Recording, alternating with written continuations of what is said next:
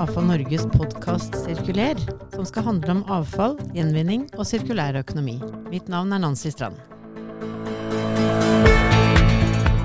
I dag skal vi snakke om grønn juss og avfallsrett. Hva betyr egentlig det? Og vi ønsker velkommen til eh, Lars Berntsen og Einar Bratteng, som begge er partnere i advokatfirmaet Berngård. Velkommen til dere. Takk. Ja, tusen takk for det. Hyggelig å være her, Nancy. Du, vi må begynne med deg, eh, deg, Lars. Fordi du er vel egentlig opphavet du, til, eh, til eh, Bernegård. Hvordan startet det hele? Vi hadde, en, vi hadde en, et jubileum nå den uka som var. Vi har holdt på i 15 år. Faktisk litt før, da. Men vi starta opp som advokatfirma Berntsen og Ødegaard. Da har jeg og en kompis, Lasse Ødegaard, som starta det i en bakgård i Skippergata. Um, I dag er vi 32, ja, 32, advokater, og med stab og alle så er vi 40. Så på de 15 åra har vi gått fra 2 til 40, og det har vært en fantastisk spennende reise. Mm. mm. Men nå, nå dere liksom profilerer dere nå som et verdiorientert uh, selskap med stor vekt på bærekraft. Så, så mm. hvordan eh, var det et, eh, et, en idé fra starten av, at eh, det skulle være prege det dere skulle gjøre? Vi kom jo begge to, Lasse og, jeg, kom begge fra store systemer. Altså, vi hadde jobbet inn oss i henholdsvis Telenor og et selskap som heter Evry. Um, og hadde egentlig lyst til å etablere en arbeidsplass som um, var gøy å komme på jobb. Vi skulle holde på med meningsfulle ting uh, og jobbe med saker som engasjerte oss. Um, jeg var veldig samfunnsengasjert fra før av og hadde med meg det engasjementet inn. Eh, jeg vokste opp i en politisk familie hvor, hvor vi diskuterte samfunnsspørsmål hver eneste dag. og hadde med meg litt inn, og hadde da selvfølgelig en sånn drøm om å etablere et advokatfirma som kunne på en måte være en slags sånn plattform da, eller arena for å holde på med ting som interesserte meg. Eh, samtidig så, så, fant vi fort ut at vi må også tjene penger. det, det, var ikke så lett. Mange som er opptatt av miljøvern som har lært seg den leksen der. ja, så Første året så ble jeg sponsa av Justisdepartementet, tror jeg. fordi det var der kona mi jobba, og det var det vi levde av egentlig, lønna hennes det første året. Så vi hadde en litt sånn tøff økonomisk start. og sånn, Men um, vi, vi, greide oss gjennom den, den første trange tida, så da gikk det bra etter hvert. Ja, men du, det er jo en bitte liten kuriositet her. For når du sier at du har vokst opp i en, i en samfunnsengasjert og politisk familie, så, så um, eh, Navnet ditt røper deg jo um, hvis man begynner å tenke over det. For du, det er jo en Faren din var jo en, en person som veldig mange i avfallsbransjen kjenner, da? Ja, han eh, var miljøvernminister i syv år, Torve Merntzen. Han Eh, var jo veldig engasjert i spørsmål rundt avfall. og Jeg husker når jeg studerte, så satt jeg litt sånn på skolebenken og var innom hjemme da. Jeg satt på juridisk fakultet og leste til, for å bli jurist. Og, og kom hjem og, og, hørte min far snakke om avfall på innpust og utpust, og det gjorde han i mange år. Dette var et spørsmål, eller dette var et, sånt, et sektor i Norge han var veldig opptatt av. Mm. Så, så øh, du og dine kollegaer ville egentlig jobbe med avfallsrett. Du hadde det inn med, si, om ikke morsmelken, så, så liksom fars, farsarven var eh, et engasjement for avfall, rett og slett? Ja, altså jeg skal ikke overspille det for mye, men øh, jeg hadde også en bror som, som er litt eldre enn meg, som jobbet i spesialavfallsbedrift på det tidspunktet vi etablerte Berntsen og Ørgaard, eller Berngård som heter det i dag. Eh, og han var en av våre første kunder. Jeg lurer på om han brukte også av ren sånn eh, familiekjærlighet, holdt jeg på å si. Men det ble i hvert fall vår inngang inn i avfallsbransjen. Eh, men så må jeg si at ferden hit om å finne veien inn i den grønne russen har vært litt sånn vært komplisert. For det er ikke helt åpenbart. Det som er et paradoks, er at avfallsbransjen er en gigantisk bransje i Norge i dag. Men samtidig så finnes det veldig lite juridiske miljøer som jobber med de spørsmålene som er relevante for bransjen. Eh, så etter at vi hadde jobbet med dette litt sånn på si eh, og i litt sånn små kår egentlig i mange år, så, så, begynte man å snakke om det grønne skiftet. Altså det ble tenkte jeg aha, det grønne skiftet har man egentlig holdt på med i mange mange år allerede, og særlig sirkulærøkonomi. Altså det er et sånt tullord eh, egentlig, fordi avfallsbransjen har vært sirkulær i mange mange år. Men det har vært vanskelig for oss å finne veien inn i, i, i, dette, i, de, denne samfunnsdebatten, da, for å bruke det uttrykket. Men vi hadde veldig lyst til å kunne leve av og jobbe med ting som knytter seg til dette, dette med miljø. Um, og så var det litt sånn at vi fikk en aha-opplevelse når Einar kom med boka si, 'Avfallsrett'. Um, for det er, det er, egentlig ikke Det er ikke et, eh, et akademisk eh, begrep. altså Avfallsjus er liksom ikke et, eh, et, fag på juridisk fakultet. Så det er noe Einar fant på. Men, men vi, når vi så det, så tenkte jeg fy faen, den fyren der, han må vi komme i kontakt med. Um, og det ble på en måte liksom en starten på en reise hvor vi begynte å sånn, finne noen sånn datingpunkter for å bli kjent med denne karen. Ja, ikke sant. Og Einar, da må vi jo um, få deg inn her. For det er jo mange i, i avfallsbransjen som kjenner navnet ditt, også før du kom med bok. Altså, du har jobbet for Norsk forening for farlig avfall som juridisk rådgiver i mange år, bl.a.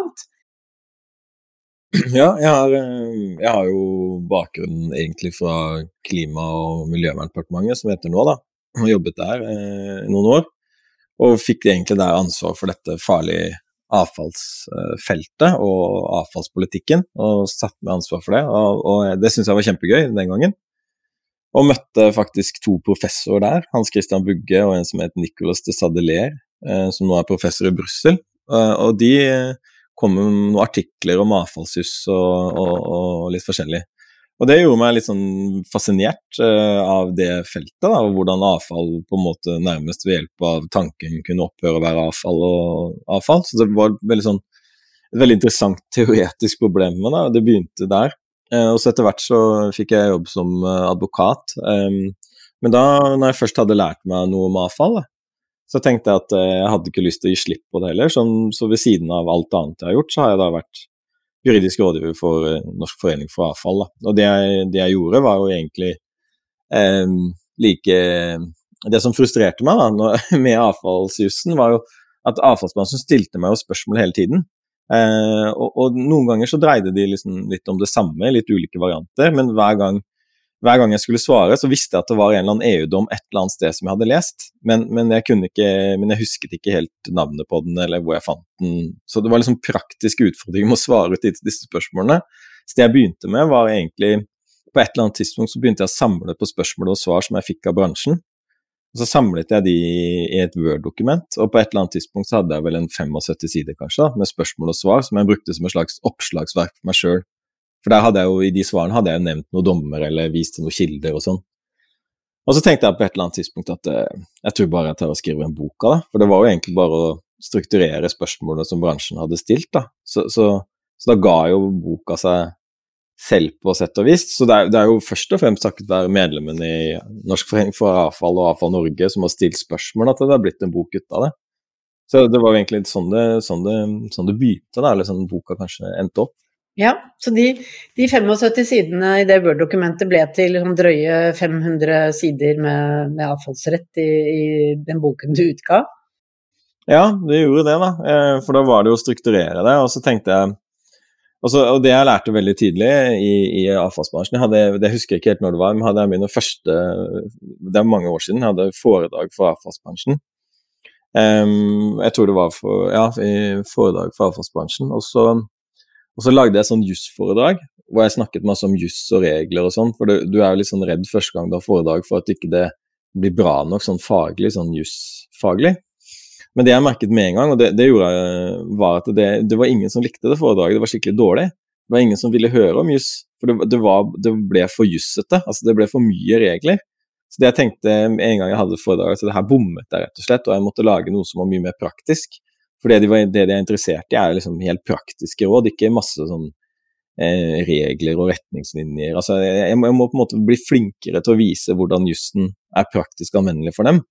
Og det var jo det jeg var veldig opptatt av når jeg skrev denne boken også, eh, og det var derfor vi fikk den gjennom på universitetsforlaget.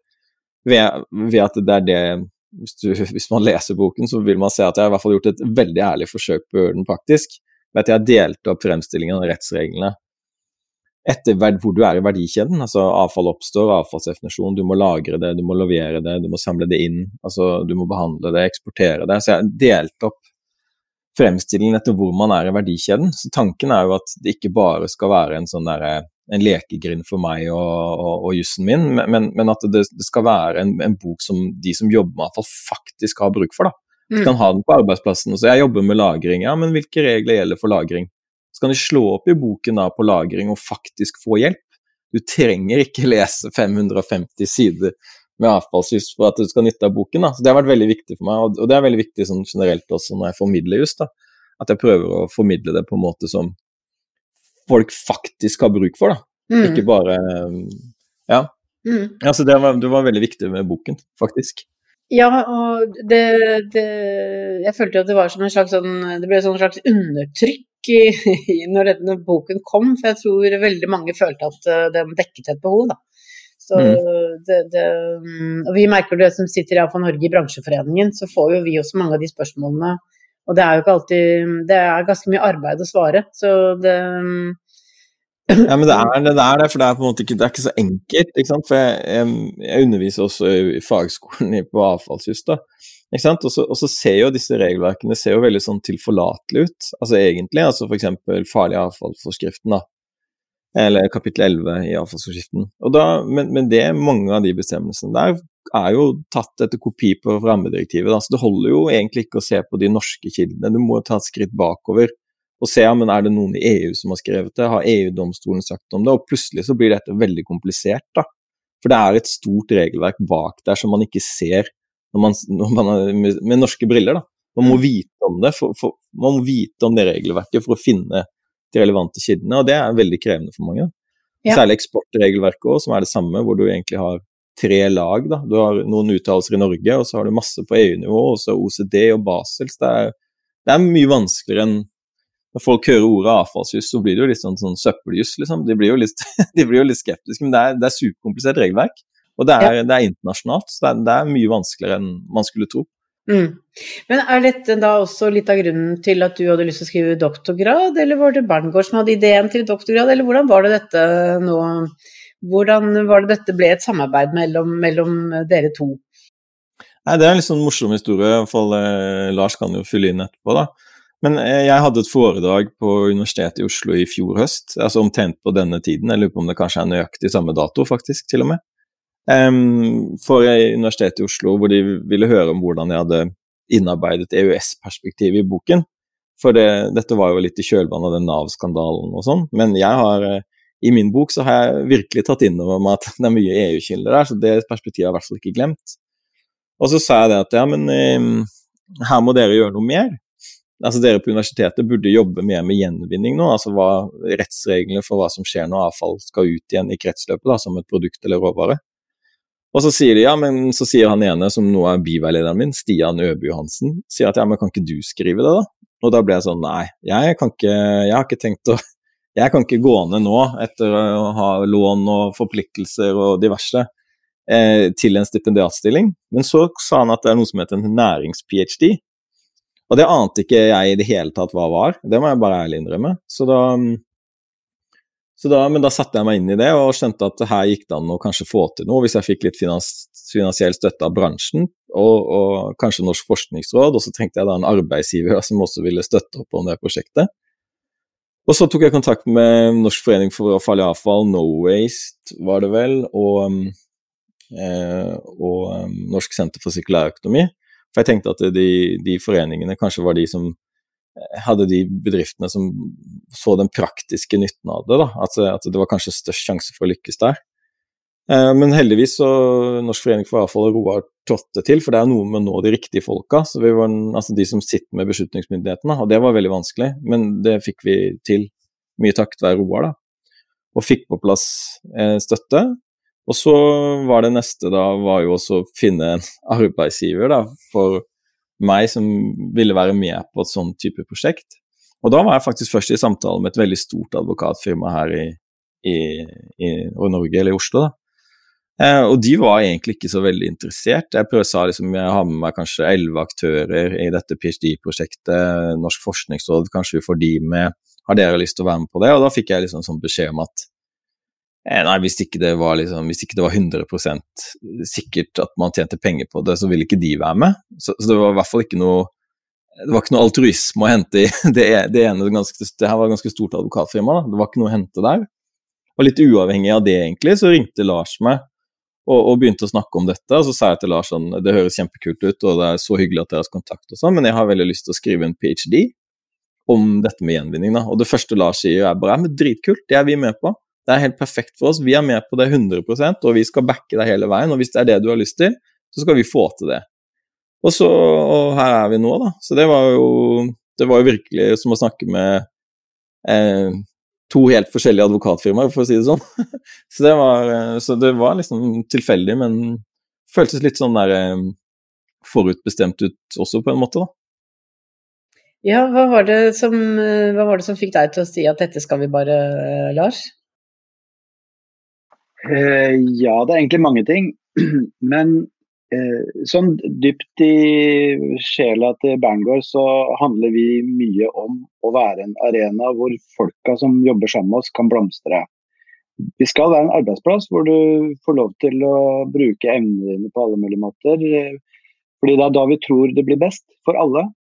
Eh, og, det, og når det er blitt fokus, så er økonomi kommet litt i annen rekke. Det er ikke sånn, Vi driver ikke en veldedig virksomhet, men vi har nok ikke det samme kravene og forventningene til lønningsposene som man finner i en del andre bedrifter eller andre advokatfirmaer. Det er nå det ene. og det skaper et helt fantastisk mulighetsrom til å gjøre hva du har lyst til å gjøre. Um, og Det er en viktig del av vårt verdigrunnlag i Berngård. Og så uh, er det jo dette med, med miljø og miljøjuss og alle disse tingene som vi jo fra før av var engasjert i og hadde lyst til å gjøre noe med. Så når Einar kom, så var dette en slags sånn helt perfekt match, rett og slett. Vi hadde både en person som ville gjøre noe som han syntes var kjempegøy, pluss at det, at det ville hjelpe oss å øke kompetansen internt på et felt som vi hadde veldig lyst til å jobbe mer med. Så um, vi var veldig glad for henvendelsen. Jeg brukte bare tre sekunder på å tenke meg om, tror jeg. Så, så hadde jo, jeg hadde jo også diskutert dette med, med kolleger også. og og vi var jo skjønt enige om at, at eh, når jeg ringte til Einar, så var jo det med tanke på om å, om å få han om bord. Så, så, vi var heldige. Det var en bra timing for oss begge. Så, og det har blitt et, en svært heldig kombo, vil jeg si. Eh, og, og skapt en dynamikk internt hos oss som gjør at vi i dag er mye tryggere på den satsingen vi gjør. Da, og sette ressurser på å lære å jobbe med ting som vi egentlig ikke vet om noen vil betale penger for at vi skal bidra med. Men, men um, vi har fått en helt annen dynamikk i det, og ikke minst så har han kobla oss inn mot en bransje som, som har vært et, sånt, et slags sånn drømmende Soria Moria-mål for oss i, i, mange år. Og så har vi nå fått liksom den den pondusen vi trenger da, for å kunne ha troverdighet når vi skal inn og snakke med dem. For mm. Tradisjonelt sett så har jo vi Vi jobber jo med veldig mange typer juridiske problemstillinger, også fra arbeidsrett til skattejus til Vi er jo et fullservicefirma som leverer på alle juridiske disipliner. Eh, men samtidig så må du ha troverdighet i forhold til kan du avfallshus, kan du avfallsbransjen og de tingene. Og det er jo den edgen som Einar har gitt oss ved at uh, vi har fått en troverdighet på det feltet, da. Mm. Men dere har lagt dere på et veldig sånn høyt uh, delings, uh, delingsnivå, eller hva jeg skal si. Altså, det, det, dere skriver artikler om, om den nye taksonomien fra, fra, EU. Hva betyr det? Hva betyr egentlig EUs green deal? Så dere har mm. bestemt dere for å ikke bare tilegne dere kompetanse, men også dele den, da. Jeg tror eh, det har, vi, eh, det har vi alltid gjort. Og vi er veldig opptatt av å bruke kunnskap som en, som en måte å komme i kontakt med andre på. Og vi, og vi lærer jo også hver gang vi snakker med noen om, om dette med avfall og det grønne skiftet osv. Og, og det, det er sånn typ for, altså I går fikk inn et oppdrag hvor det var en virksomhet som gjerne ville at vi skulle hjelpe dem med, med deres bærekraftstrategi. Og det er klart at Sånne oppdrag fikk vi aldri for fire år siden, for det var ingen som var interessert i å ha en bærekraftstrategi. Men nå ringer det oss, og så vil jeg ha hjelp til å lage en sånn strategi. Det er klart at da må, det er et dels juridisk oppdrag, men også dels et oppdrag som inneholder veldig mange andre elementer som er kjempespennende for oss å få lov til å jobbe i, og ikke minst så lærer vi masse om dette, for det finnes ekstremt mye kunnskap der ute. da. Mm. Så vi får liksom samla det og jobbet sammen, så når vi deler vår kunnskap og vi får kunnskap fra andre, så, så blir dette eh, veldig bra, syns vi. Ja. Altså, altså, unnskyld, men så er utfordringen litt da, Utfordringen er jo som at vi egentlig så får vi ikke får jo ikke delt nok, altså strengt tatt. Det er jo problemet vårt. Fordi vi gjør jo utrolig mye For jeg er jo nødt til å jeg, Uansett når jeg tross alt skriver denne avhandlingen, da, så, så, så, har jeg jo en veldig sånn viktig sånn Eller det jeg gjør, er jo å overvåke hva som skjer i EU, ikke sant. For alt som skjer i EU nå, kan potensielt ha ganske store konsekvenser for min avhandling. Så jeg følger jo med på veldig mye. Så det er veldig mye interne nyheter fra EU som deles internt i firmaet også. Og, det er jo, så vi har jo veldig mye diskusjoner knytta til at nå kom det noe nytt. Er, er dette noe vi, vi bør dele, um, og, og, og, hvordan deler vi det? Um, og hvordan henger dette sammen med det andre vi gjør? Og Det er jo litt utfordringen med miljøene og det grønne skiftet. er jo det at altså, Nå som Berngård leverer jo altså, tjenester på alle områder, og, men, men, utfordringen nå med miljøet da, og, og Green Deal er jo at sånn som det ser ut, så kommer jo miljøaspektet nå til å ligge rundt absolutt Altså på alle nivåer i samfunnet. Så hvis du som på en måte advokatfirma i dag skal levere en fullverdig tjeneste, da, så ligger på en eller annen måte det miljøaspektet der likevel. Så du må på en måte som advokatfirma så må du ha en mening, en, en forståelse av miljø og miljørett og bærekraft i vid forstand, for det ligger ved siden av alt. Da, som du, samme om du driver med IKT, eller om du driver altså Det er ikke bare avfall som rammes. Så, så, så det er litt det, det, er liksom det også, å, å se og ha en totalitet i tjenesten i forhold til det som faktisk skjer rundt bærekraft og sånn. Mm. Men du, altså i doktorgraden din så, så har du, du, du skal dykke ned i, i barrierer for å oppnå en sirkulær økonomi.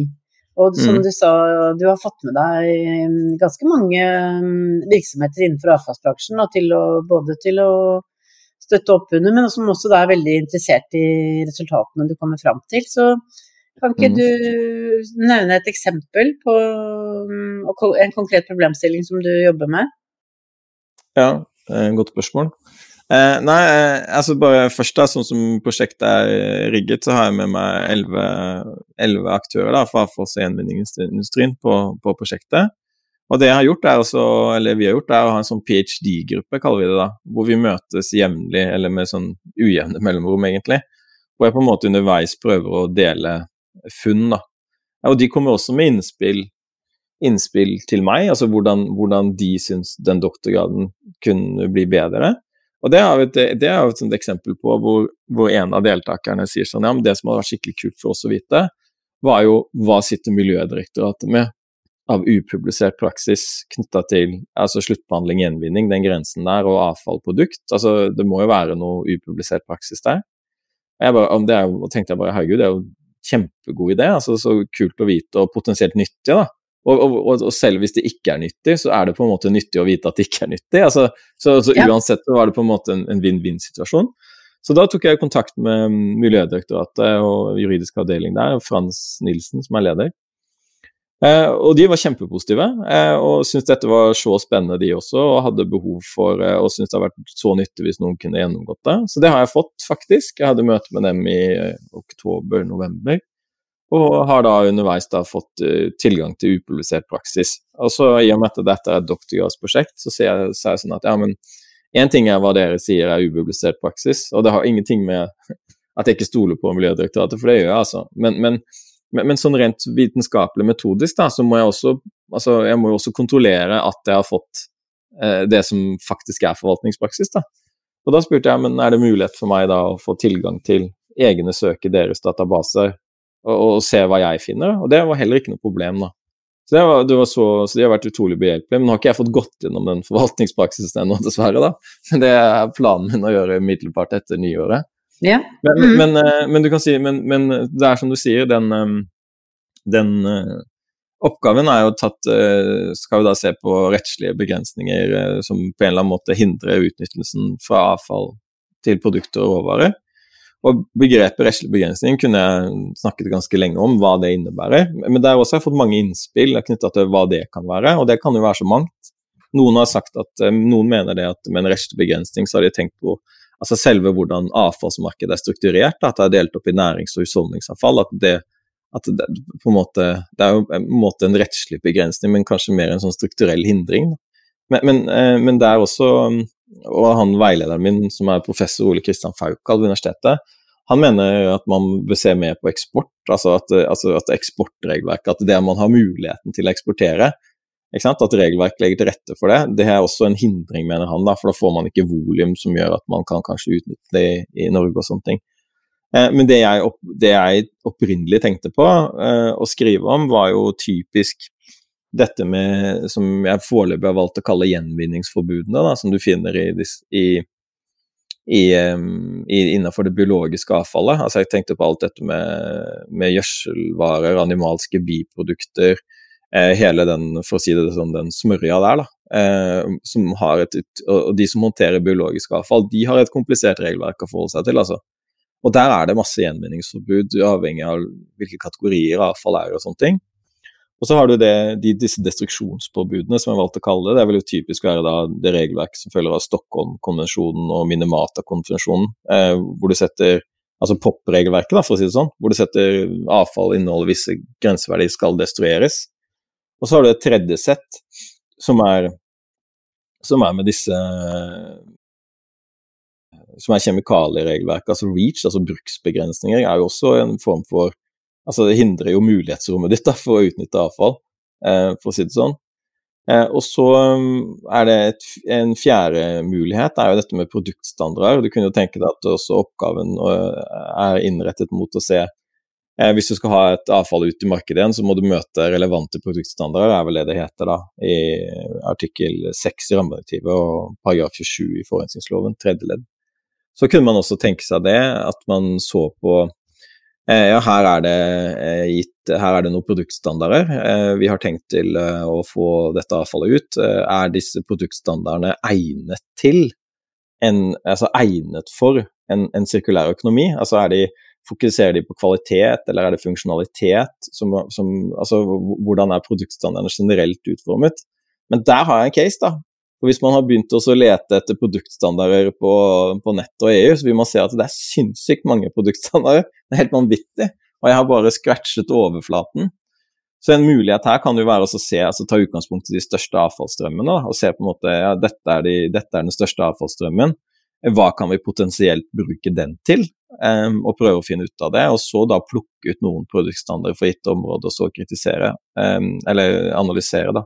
Men det er jo et vanvittig svært eh, tema, og jeg har ikke helt bestemt meg for retningen ennå. Det er jo noe jeg skal diskutere etter hvert med den PhD-gruppa, hva de har tenkt, og ikke minst med veilederen også, i forhold til hvilken retning velger vi, og hvilken retning vi gir størst, eh, størst eh, nytteverdi. Og, der, og der tenker jeg også at Avfall Norge absolutt, så hvis Avfall Norge også har meninger om det, så er jeg utrolig interessert i å høre på det. Jeg snakket med samfunnsbedriftene for en stund tilbake, eh, og de ville, de ville gjerne ha en sånn, hva skal vi si, en, en, en, lærebok. Og det er det jeg på en måte hadde tenkt opprinnelig. At jeg bare sier at nå skal vi gjenvinne avfall, og så er det en lærebok. Ok, her står jeg med det avfallet, hvilke hindringer har jeg der? Og så står jeg med dette avfallet. At jeg bare at jeg strukturert opp bare Her er avfallsstrømmene, hvordan kan vi bruke dem, kan vi, eller kanskje hvordan kan vi ikke bruke den, er vel det som vært poenget, da. Sånn at du hadde fått et oppslagsverk og en lærebok. Men det er nok fakultetet litt mer skeptisk til, for de mener at ikke det holder en sånn vitenskapelig trinnhøyde. Men det syns jeg hadde vært gøy. Og litt av tanken, skal jeg være helt ærlig med dette ph.d.-prosjektet, er jo også at for hvis man leser boken om avfallsrett og kritiserer den, og det kan man jo, så vil man se at det siste kapittelet om hvordan avfall opphører å være avfall, er ganske tynt. Eh, og det var helt bevisst for min eh, side, for hvis jeg gjorde det, hvis jeg gikk åpnet den Pandoras eske der, så så jeg at jeg aldri ville kunne stoppe noe sted. Altså, for da, da plutselig ble boka veldig, veldig, veldig tykk, da. Mm, eh, og jeg ville aldri blitt ferdig. Så det er litt av tanken med ph.d.-en også, ikke sant. At nå kan jeg skrive en ph.d., og så kan jeg bare, når den er ferdig, så er det avfall Da blir det boka 'Avfalls- og gjenvinningsrett', da. Ikke sant? Hvor vi får tidenes tykkeste miljørettsbok i Norge på 1000 sider. Eh, en murstein av en bok. Eh, hvor, hvor, hvor, du da får med deg begge perspektivene. ikke sant? At, hvor, du først får med deg at her kommer stoffer og gjenstander inn som avfall. Reglene for å behandle det. Og så har vi behandlet det, og så skal det ut igjen. Her er reglene for hvordan det kommer ut igjen. Så Det er på en måte litt sånn kongstanken min. da. At jeg nå om noen år kan komme ut med boka med eh, avfalls- og gjenvinningsrett, kommer den boka til å lete, da, for da har jeg med meg det gjenvinningsperspektivet. Men mm. hvor du faktisk sitter på en bok som rent faktisk er sirkulær juss, da. ikke sant? Hvor du sitter mm. med begge ender. Så det er liksom tanken med Pestin. Så jeg er veldig, veldig tilbøyelig til å skrive en sånn en, framstilling, en håndbok i rettsregler for gjenvinning av avfall. Det, det syns jeg hadde vært kjempegøy å gjort. Men så spørs det litt om jeg kommer til å gjøre det. For det skal jo tross alt godkjennes som et vitenskapelig verk, da. Men samtidig så tenker jeg det har ganske stor verdi å bare ha altså det, det tenker jeg er den største verdien av avfallsrettsboka òg. At du har et sted hvor alt er samlet på ett sted. Hvor ingen har tatt seg bryet før med å samles alt på ett sted. Så, mm. Men det er noen veivalg vi kommer til å ta nå like, like over nyttår. Men altså, jeg blir jo veldig nysgjerrig, fordi jeg tenker jo altså, Hva med produktlovgivningen eh, å si, oppstrøms, eller altså fra når produktene produseres mm. fra starten av? Som mm. eh, Altså de kravene som stilles eh, til, til, produkter for at de i det hele tatt skal kunne bli sirkulære i den andre enden. Altså, er det elementet med her? Ja, det vil jo, vil jo, være litt avhengig av hvilken innfallsvinkel retning som velger. Hvis du går på de produktstandardene, så vil, jo, så vil jo det være et element. For det er jo gjennom produktstandardene ofte du Altså de nærmere, dette, mer detaljerte reglene kommer på, på plass. Eh, men der kommer det jo et, et, vanvittig stort arbeid i EU nå, som jeg tror alle er spente på. Hva som kommer til å skje med, med produktregelverket i EU. Mm. Og som, som, Lars var inne på, så har man jo holdt på med sirkulær økonomi i praksis en ganske god stund. Eh, men det nye her, egentlig i den sirkulære økonomien, er jo villigheten til å regulere produsentene. Mm. Altså det, den, det, er For første gang så er det en politisk vilje der til å regulere, regulere produsentene. Det er jo liksom det egentlig, egentlig det nye i den sirkulære ja. økonomien, da, mm. tenker jeg. Ja, ja, det, mm. det, liksom, det, var vel ikke for ingenting at uh, liksom, når sirkulærøkonomibegrepet ble lansert i EU, så var det jo gjennom revideringen av rammedirektivet for avfall og så har produkt og, og regulering av produsentene kommet i etterkant, som jeg oppfatter det i hvert fall. Ja, men eh, jeg hadde, og det kan være en egen podkast hvis du har lyst. Eh, mm. Her om dagen så, så, ble jeg nemlig Så det jeg var, ikke var klar over, var at Universitetet i Oslo faktisk har tenkt å lære meg noe også, annet enn å bare skrive en avhandling. da. Så jeg var, jeg var, nødt til å være med på en, sånn, en, en seanse om, om perspektivering, hvor vi bl.a. var nødt til å lære om rettshistorisk metode. Og i etterkant var vi nødt til å skrive et essay eh, basert på rettshistorisk metode. Da. Og da skrev jeg et essay um, som etter hvert ble ganske langt, uh, om um, sirkulær økonomi i et rettshistorisk perspektiv. Mm -hmm. og, det er, og, det er, ganske interessant, skjønner du. For hvis du, hvis du roter litt i gamle stortingspartier tilbake til ressursutvalget av 1972 og tiltredelsesregjeringen til regjeringen Korvald, fordi det var en kortlivet regjering, men i tiltredelseserklæringen så skriver de at de har tenkt å gjøre en kjempeinnsats på å, å, gjøre noe med regelverket for å få bruke avfall til ressurser og produkter. Og da nedsatte man Resirkuleringsutvalget av 1972. Og det er veldig interessant å lese, for både at dette Resirkuleringsutvalget og Ressursutvalget bruker vanvittig mye tid på noe som heter ressursøkonomi, som i praksis er det samme. Og fra sammendraget i resirkuleringsutvalgets rapport, den kunne jeg klippet ut, og så kunne jeg limt inn på en foil, og så kunne jeg spurt folk når tror dere dette sitatet er fra? Og da hadde folk mm. sa dette var skrevet i går. Men det er det mm. ikke, det var skrevet for 50 år siden. Ja. Det er litt morsomt også hvis man ser et sånt resthistorisk perspektiv. Hvis man ser liksom bakover historien, så er vi egentlig liksom Vi er tilbake der vi var på begynnelsen av 70-tallet, faktisk, med fokus på ressurser. Og så er det jo interessante spørsmålet hvorfor skal vi lykkes denne gangen? Um, det får vi jo se, da.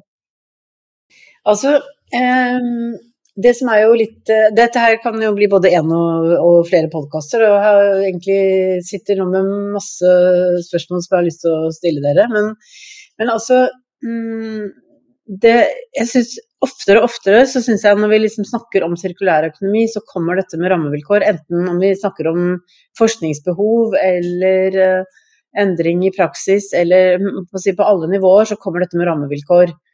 Men, men uh, hvor går liksom grensen mellom politikk og uh, det, for det her er jo egentlig like mye politikk, eller hvordan skal dere som hva tenker du, Lars? Liksom, hvordan skal dere som advokatkontor eh, bevege dere inn i en eh, egentlig ganske politisk uh, sfære? Jeg tror det, er, det, har vært det store problemet egentlig for bransjen i mange år. Fordi det finnes ikke noen verktøy for advokatene når man er i en politisk sfære, hvis man da ikke er over i, i lobby, lobbyistenes rekker. Da. Og det er det jo en del advokater faktisk som er i ferd med å bli også. Vi ser jo etter det siste regjeringsskiftet nå at det er en rekke advokatfirmaer som rekrutterer rett fra regjeringen. Og det er klart at det er ikke pga. Ja, eh, det er nok fordi man ser dette behovet for å gå inn og jobbe mot uh, politikerne også.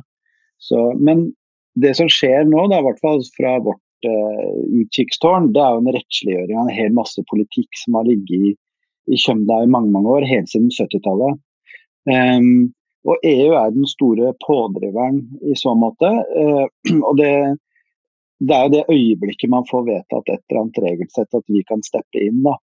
Men samtidig så er det et kjempepoeng det Einar har med å peke på at regelverket er veldig komplisert. fordi at det skaper så mye usikkerhet for mange da, som gjør at det, man hindrer nærmest uh, gode handlinger fordi man er usikker på hvor man ender opp med sånn rent sånn ut ifra rammeverket. da. Og Vi hadde et eksempel, og det var noe, noen som hadde tatt kontakt med Einar, som en gartner som, eh, som produserer grønnsaker, som, eh, som eh, hadde behov for noen stoffer inn i jordsmonnet som man måtte kjøpe fra Tyskland. Uh, og Det samme produktet brukes når man som entreprenør borer tunneler i Norge, f.eks. Og, da, og Det er et problem for byggebransjen, for at de får et avfall da, når de har brukt dette materialet, som de må deponere. Det koster masse penger. Samtidig som da gartneren da to kilometer unna, som gjerne skulle hatt det samme stoffet for å bruke det til å lage matjord. Og det, og det som hindret han i å gjøre det, var hans bekymring for hvordan regelverket ville slå ut hvis han fikk dette stoffet fra entreprenøren. Og entreprenøren var veldig bekymra for hva ville skje hvis de i stedet for å kjøre det på et eller annet godkjent deponi, ga det til gartneren. Så på en måte næringslivet er veldig interessert i å søke løsninger og finne veier fram til en mer rasjonell og sirkulær måte å behandle, behandle avfall på. Fordi det ikke er avfall, fordi det, vi nærmest har regulert de til å bli et avfall. Men da kunne vi da ved å sitte på juridisk kompetanse på dette stoffet, skape, eller ja, på dette materialet, da, kunne vi skape trygghet for at det faktisk går an. Men vi måtte jo bruke tid på å utrede regelverket på dette. Eh, og måtte skrive eh, ganske mye slik at begge parter hadde komfort for at de kunne gjøre dette, uten at de senere skulle få en eller annen form for konsekvens for offentlige myndigheter. Og Det er nok et dilemma, og vi merker jo dette dilemmaet er eh, så mange steder, ikke minst eh, i byggebransjen for øvrig. At det egentlig er regelverket som hindrer de, og Dette er litt av kongstanken til Einar da, som vi, som vi følger. så Når det drypper da små avklaringer inn. Da. I enkeltcaser så håper vi jo da at dette sum kan være med å bidra til at man får, uh, får løst mange oppgaver, rett og slett. Mm.